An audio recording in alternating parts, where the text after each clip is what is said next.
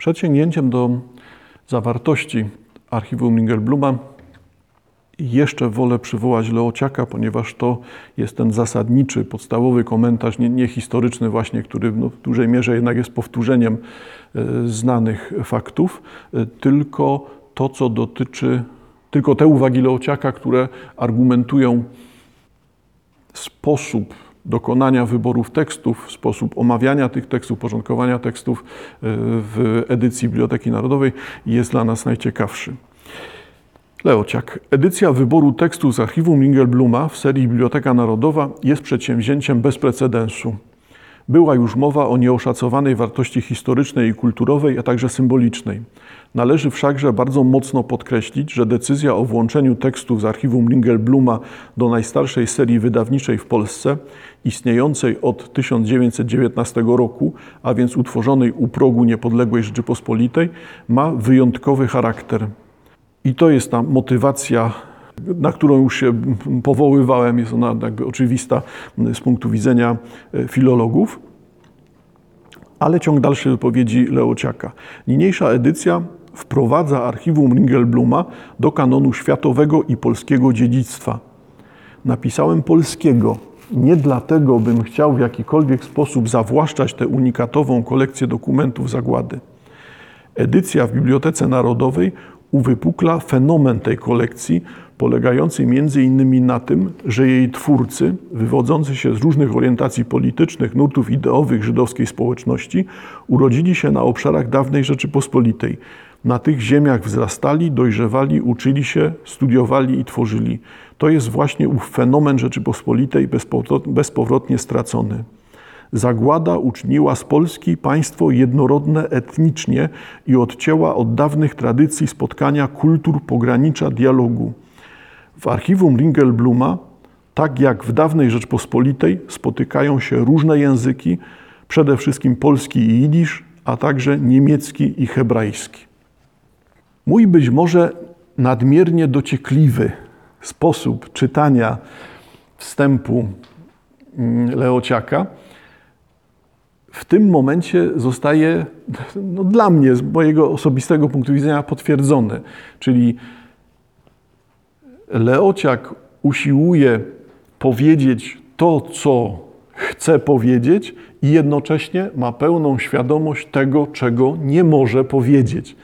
I dlatego mamy dla mnie, jako, jako czytelnika, taką dziwną huśtawkę to w końcu w Polsce był antysemityzm, czy nie był? To w końcu Polacy ratowali Żydów pomimo grożącego wyroku śmierci, czy też nie ratowali Żydów?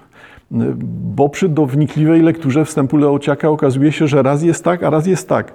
Wobec tego z jednej strony Żydzi nie są Polakami, co możemy udokumentować, nie wiem, decyzjami formalnymi rządzących w Polsce przed 1939 rokiem, wykluczającymi Żydów, czy też piętnującymi Żydów, osławione getto ławkowe, czy też Żydzi stanowią część kultury polskiej i podział na Polaków i Żydów jest tak samo zasadny jak podział na mieszkańców Małopolski i mieszkańców Mazowsza. Nikt jednym i drugim nie będzie odbierał bycia Polakiem, bo dalsze podziały mają tutaj charakter podrzędny, wtórny, czy też mało istotny. Mają może sens wtedy, kiedy zastanawiamy się nad sposobem intonacji albo sposobem artykulacji samogłosek regionalnie zmiennym w Polsce, ale w rzeczywistości nie ma to żadnego znaczenia.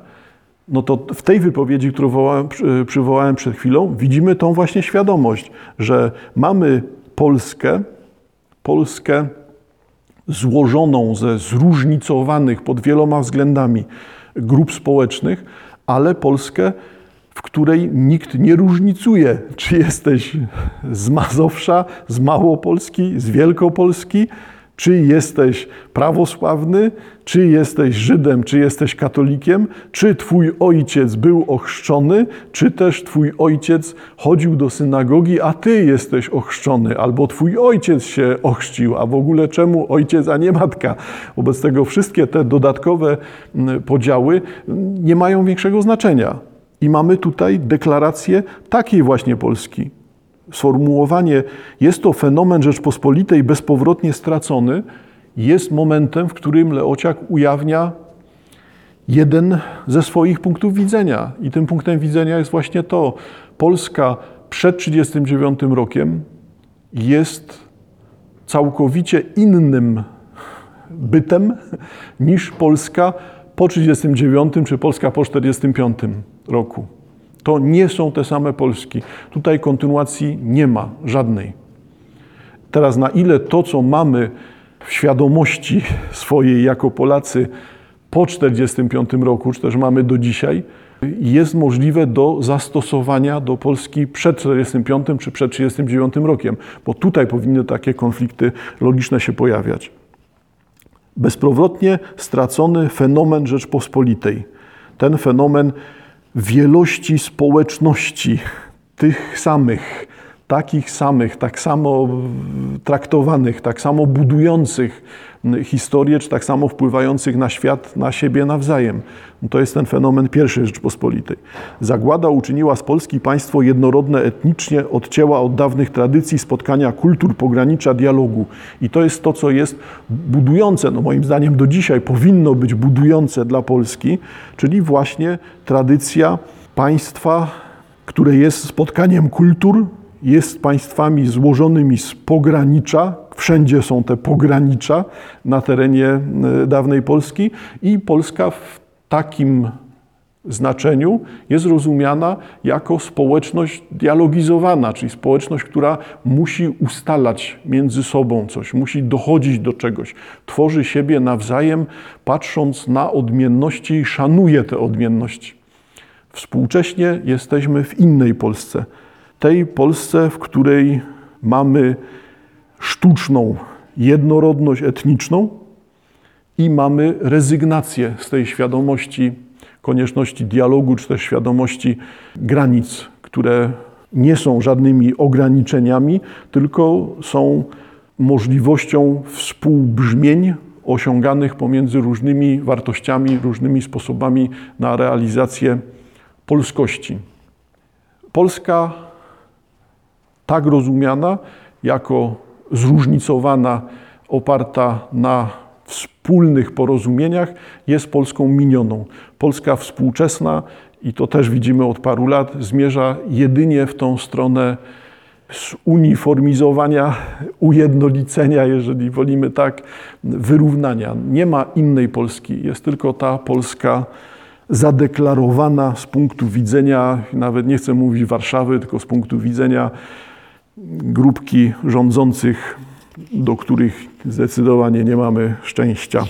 E, ale tak, ale ci rządzący, e, to nie jest tak, że ci rządzący narzucają nam coś i też ci rządzący budują nam jakąś Polskę.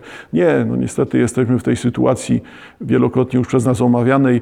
Rządzący są jedynie projekcją zapotrzebowań. Czyli to, co widzimy w postaci PiSu i prezesa, nie jest przecież w żaden sposób narzucone nam przez ów diabolizowany PiS, czy też równie diabolizowanego prezesa, tylko jest wyłącznie lustrem. Polacy sami wybierają tą uproszczoną tożsamość, czy też wolą żyć bez, bezwstydzie, jeżeli przywołujemy coś. Co wobec tego jest celem tej edycji Bibliotece Narodowej, dalej Leociak. Prezentowana antologia archiwum Ringelbluma kładzie przede wszystkim nacisk na ukazanie różnych sposobów zapisu doświadczenia zagłady, rozmaitych form ekspresji tego doświadczenia i różnorodności gatunków, w jakich autorzy piszący tam i wtedy, to znaczy w czasie trwania wojny i okupacji, to doświadczenie starali się wyrazić. Od poezji i prozy, przez dzienniki, zapiski autobiograficzne, rozważania religijne, po relacje i listy. Staram się też pokazać te teksty, które mając znamiona dokumentacji urzędowej, przez swoje ukształtowanie językowe i napięcie emocjonalne przełamują granice zapisu biurokratycznego. Niejednokrotnie teksty z tego zakresu gatunkowego przedstawiają podwójne uporządkowanie. Mają stanowić zobiektywizowany materiał faktograficzny, ale stają się jednocześnie osobistym świadectwem autora czy autorów. Czyli mamy podwójność. Z jednej strony dokument, a z drugiej strony indywidualne przeżycie. I to napięcie pomiędzy dokumentacją a subiektywizacją, indywidualizacją punktu widzenia jest dla Leociaka w czasie dokonywania wyboru tekstów do mniejszej antologii istotne.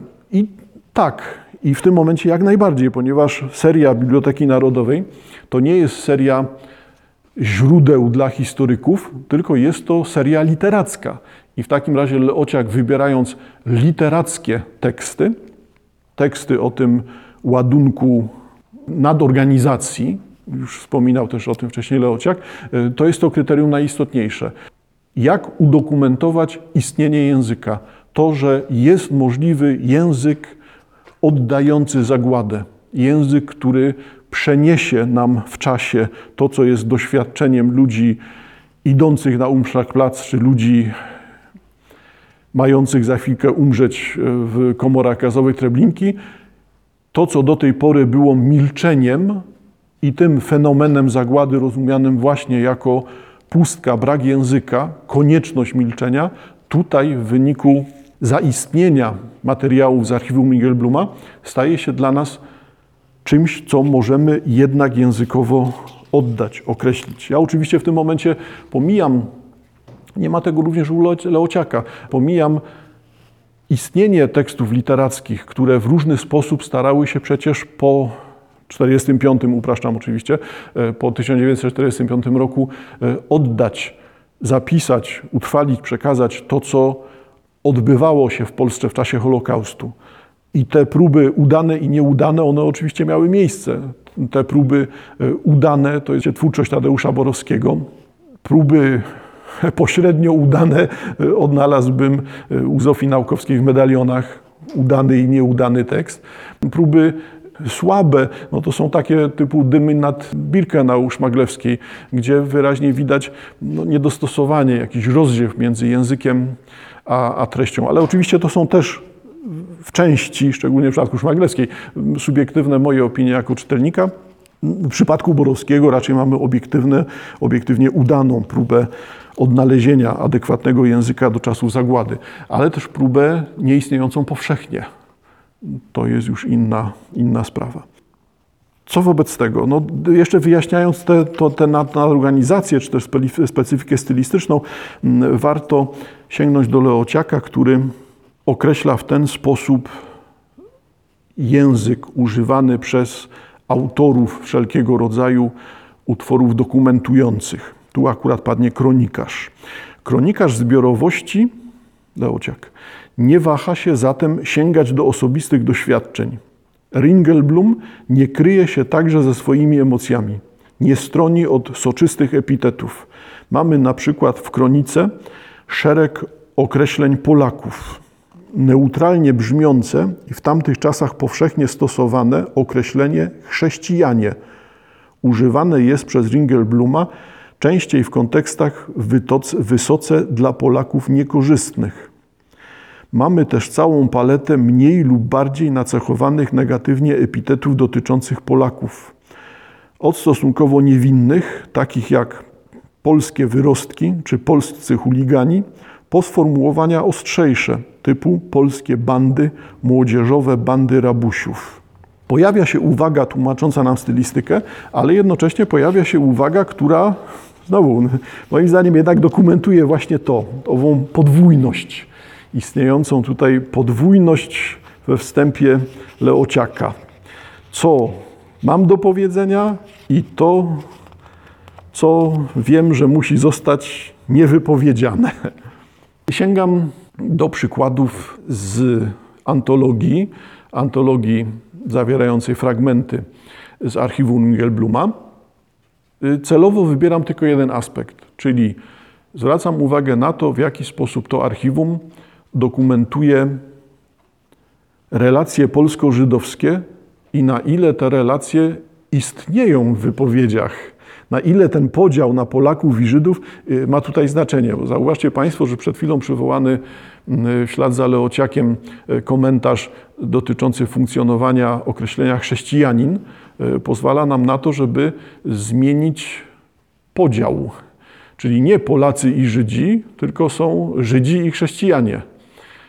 Odchodzimy od narodowościowych podziałów, które które są nie, nieuzasadnione, jak gdyby historycznie nieuzasadnione, e, tylko zaczynamy mówić o podziałach innego typu. Na ile oczywiście ten podział na e, wyznawców religii mojżeszowej, czyli Żydów i chrześcijan, e, znowu jest jakimkolwiek poświadczaniem istnienia takiego podziału, a na ile jest tylko chwytem stylistycznym, to czymś, co jest określeniami, które nam tłumaczą różnice, różnice w sposobie życia między Żydami a, a nie Żydami poza gettem. Żydami w getcie i nie Żydami poza gettem.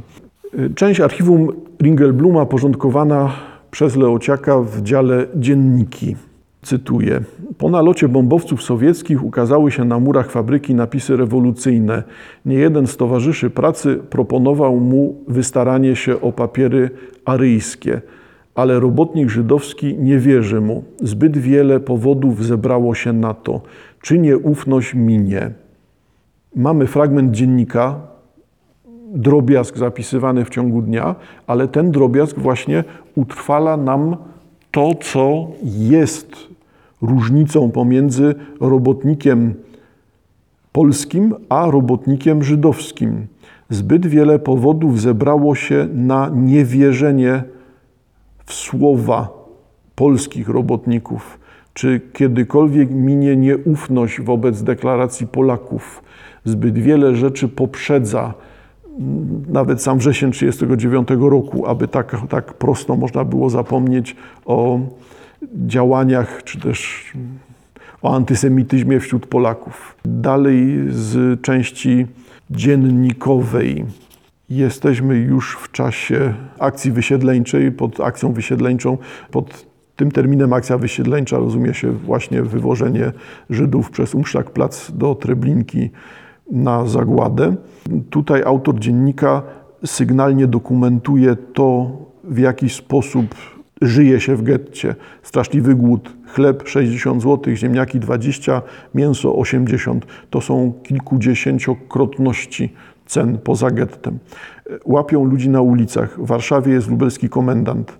Ilu ludzi wysiedlą, wysiedlają ogółem. Jedni uważają, że 100 tysięcy, 200 tysięcy, niektórzy uważają, że więcej. Może być lżej, bardzo wiele samobójstw. Stosunek Polaków. Kalman płacze przez telefon, wzywa do zemsty. Zamordowali Neustada. Tutaj dziennikarz tylko jedno sformułowanie wplata w swoją wypowiedź, czyli istnieje sprawa stosunku Polaków do Żydów. I to jest jednym z tych elementów, które czynią życie w getcie coraz trudniejszym i życie poza gettem dla Żyda niemożliwym. Reakcja Polaków na dokodującą się zagładę, ten sam autor dziennika. Strzelają do stojących w oknach. Chrześcijanka na widok wozów ze złapanymi Żydami przeklina hitlerowców, nadstawia pierść i zostaje zastrzelona. Na Nowym Świecie chrześcijanka uklęgła na trotuarze i modliła się do Boga, aby skierowali swój miecz, przeciw, miecz przeciwko oprawcom. Uczyniła to na widok zamordowania przez żandarma dziecka żydowskiego. Posiedzenie członków Onek Szabat jego tragiczny przebieg, omawiają kwestie własności i przeniesienia archiwum do Ameryki, jeżeli wszyscy zginiemy. Ujęcia takie chwilowe, które tutaj się pojawiają w zapisie dziennikarskim, wskazują dalej na to, czym jest reakcja. I tym akurat mamy, y, tu akurat mamy udokumentowaną reakcję emocjonalną, użyję metaforycznie, chwalebną dla Polaków. Przynajmniej jest to reakcja taka, która, której można by się spodziewać czy tą reakcją jest w skrajny sposób oddawanie życia, e, czy demonstracyjne demonstrowanie sprzeciwu wobec traktowania Żydów, e, jest to ta reakcja momentalna, chwilowa, istniejąca, ale zauważmy też jako czytelnicy, to są przykłady jednostkowe. Tutaj nie mamy do czynienia z żadnym zbiorem. To są niezwykłe działania, które dziennikarz, e, przepraszam, które autor dziennika dokumentuje. Ta niezwykłość przykuwa jego uwagę. Nie powszechność, tylko niezwykłość. Co się dzieje w czasie wysiedlania Żydów z getta? Getto warszawskie w wielu etapach było coraz bardziej ograniczane. Wobec tego Żydzi zmuszani byli do stałych przeprowadzek. mieszkali w jednej kamienicy, ale następnego dnia w następnej, a w następnego dnia w następnej. Czyli getto bezustannie zmienia swój kształt. Może nie tak z dnia na dzień stale, tak, ale zmienia swój kształt, co oznacza, że kamienice w getcie, które były zamieszkałe przez Żydów, teraz zostają poza gettem. Autor dziennika 11 sierpnia 1942 roku. Coraz straszniej, wstrząsające grozą wysiedlanie z małego getta. Wypędzili ludzi z wielu domów, cały dobytek został. Chrześcijańscy chuligani przystąpili już do grabieży. Sienna 24, Śliska 28. Z wyjątkiem rodziny Jakuba nie pozostał żaden lokator, nie ma nawet dozorcy. Takie właśnie pojedyncze uwagi wskazują na to, że głównym przeciwnikiem Żydów, czy jednym z głównych przeciwników Żydów są sami Polacy. Grabież jest powszechna. Polacy występują tutaj jako ci, którzy dorabiają się między innymi na kradzieży. No ale na szmuglu też Zmieniamy dziennik. Dzisiaj też były ofiary, zabici podczas blokady. Wywieźli Mirkę Prywes, jej matkę i brata. Złapali i wywieźli żonę Izaka Kacenelsona wraz z dwojgiem dzieci. W największym przerażeniu opuszczają ulice znajdujące się między Chłodną i Lesznem. Cały żydowski dobytek zostaje porzucony na pastwę losu, a polscy chuligani wraz z Niemcami rozgrabiają go. Cała żydowska Warszawa została zniszczona. To, co jeszcze się ostało, jest zaledwie cieniem tego, co on dziś było. Cieniem, który przypomina śmierć i zagładę. Widzimy dalej cały ten ciąg dokumentujący aspekt wybrany przeze mnie. W jaki sposób dokumentuje się tutaj udział Polaków w Holokauście, udział Polaków w zagładzie. Jeżeli wolimy, odpowiedzialność Polaków za to, że zagłada ma miejsce. Kolejny z przykład z innego dziennika. Los Warszawy jest tragiczniejszy od losów innych miast, które dotknęło to zło. Ci, którzy nie są tu z nami, nie są w stanie wyobrazić sobie naszej strasznej sytuacji. Oni nie zrozumieją i nie uwierzą, że dzień w dzień zabierano na śmierć tysiące niewinnych mężczyzn, kobiet i dzieci a mała garstka ludzi, która pozostała po dziesięciu tygodniach, nie jest pewna swego losu. Czeka ich, jak widać, ten sam los. Boże, dlaczego tak się z nami stało i dlaczego cały świat jest głuchy na nasze wołanie? Ziemio, ziemio, nie zakrywaj naszej krwi i niechaj wszędzie dotrze nasz krzyk. Dlaczego cały świat jest głuchy na nasze wołanie? Ten cały świat to między innymi najbliższe otoczenie getta to są ci wszyscy, którzy akceptują, podporządkowują się rozporządzeniem niemieckim, ci wszyscy, którzy znajdują usprawiedliwienie w prostym fakcie, że boję się konsekwencji pomocy i tyle. Znowu przykład z innego dziennika. Lato 41-42 było dla getta warszawskiego najsmutniejsze. Zaczęło się ono aresztowaniami i rozstrzeliwaniami. Paru socjalistycznych działaczy padło, ale większość aresztowań odbyła się z przyczyny konkurencji. O jakich brudnych postępków e, dokonywali żydowscy donosicieli, donosiciele i gestapowcy. Jeden zdradzał drugiego, a wszyscy razem unieszczęśliwiali getto. O tym lecie można by dużo opowiadać. Jeśli za mało było jeszcze nieszczęść z powodu żandarmerii i polskiej policji, która ciągnęła od żywych i martwych, to na szkart wsiadła jeszcze nasza własna służba porządkowa. Czyli mamy służbę porządkową, czyli tą policję żydowską, ustanowioną przez e, Radę Żydowską na polecenie e, nazistów, e, ale poza tą policją żydowską mamy żandarmerię i polską policję, która słynie z brania pieniędzy za wszystko. Trzeba się opłacać tej polskiej policji, bo, jak pisze za chwilkę autor tego dziennika, charakterystyczne dla nich są aktualne kuplety z tego okresu. Forsa, forsa, forsa to najlepsza rzecz. Brali oni pieniądze od szmuglera, od dzieci, które żebrały po tamtej stronie, brali pieniądze, od piekarza brali, od sklepów brali, za załatwienie czegokolwiek brali, na wszystkich kolejkach ktoś smarował, ten jechał, wszędzie szafa gra. Szafa gra jako odwołanie do tekstu piosenki. Tekstu piosenki pokazującej to, że jeżeli masz pieniądze, no to wtedy szafa gra. Bez pieniędzy nie jesteś w stanie przetrwać. Zmieniamy dziennik. Inny autor dziennika. Piątek 26 stycznia. Łapią ludzi do pracy, gdzie są oni męczeni przez miejscowych chrześcijan, którzy każą im wykonywać ćwiczenia, a potem zamiatać miasto. Krzyczą, że ludzie, że Żydzi chcieli wojny. E, Część dzienników to są dzienniki spoza getta i to jest właśnie przykład spoza getta e, warszawskiego.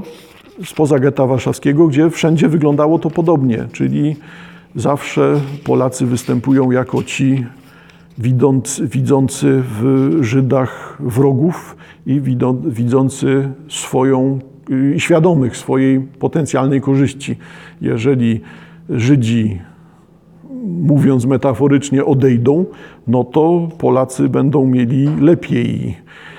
To nie jest propaganda antysemicka, antysemicka niemiecka, tylko to jest to, co rozgrywa się w obrębie tej społeczności polskiej. W dziale zatytułowanym Relacje zostawiamy dzienniki, relacje jako rodzaje sprawozdań z wydarzeń. Bardzo często są to autorzy anonimowi czytamy. Relacja pod tytułem Anno 1940. Nastała wiosna. Po długim pobycie w ciasnych pokojach ludzie poczynają wychodzić z domów na spacery. Nie mają co robić w mieszkaniu ani na ulicy. Udaje się z wizytą do kolegi. Po krótkiej pogawędce siadamy obaj do, do albumu ze znaczkami pocztowymi. Schyleni nad znaczkami straciliśmy poczucie czasu. Z naszego snu budzi nas silne stukanie do drzwi. Prosimy otwierać, ale prędzej. Usłyszeliśmy zdenerwowane głosy. Przestraszeni otwieramy drzwi. Do pokoju wpada dwóch młodych chłopców z gwiazdą syjońską na ramieniu. Szybko zamykają drzwi i stają, trzęsąc się na miejscu. Pytamy, co się stało. Oni odpowiadają, przerywając sobie wzajemnie, że pod bramą znajduje się banda młodych chuliganów polskich, którzy napadają na przechodzących ulicą Żydów. Biją je miłosiernie, rabując przy okazji, co tylko można. Im cudem udało się uciec, lecz nie wiedzą, w jaki sposób jeszcze będą mogli dostać się do domu, gdyż zbliża się godzina policyjna. Największym zagrożeniem wobec tego, czy naj, najczęściej pojawiającym się zagrożeniem, to nie jest zagrożenie ze strony żandarma niemieckiego, pod pojęciem żandarm rozumiem wszystkie służby mundurowe niemieckie, tylko jest to zagrożenie ze strony polskiej. Tak jak tutaj banda młodych chuliganów polskich. To oni napadają, oni prześladują i oni są właściwymi stróżami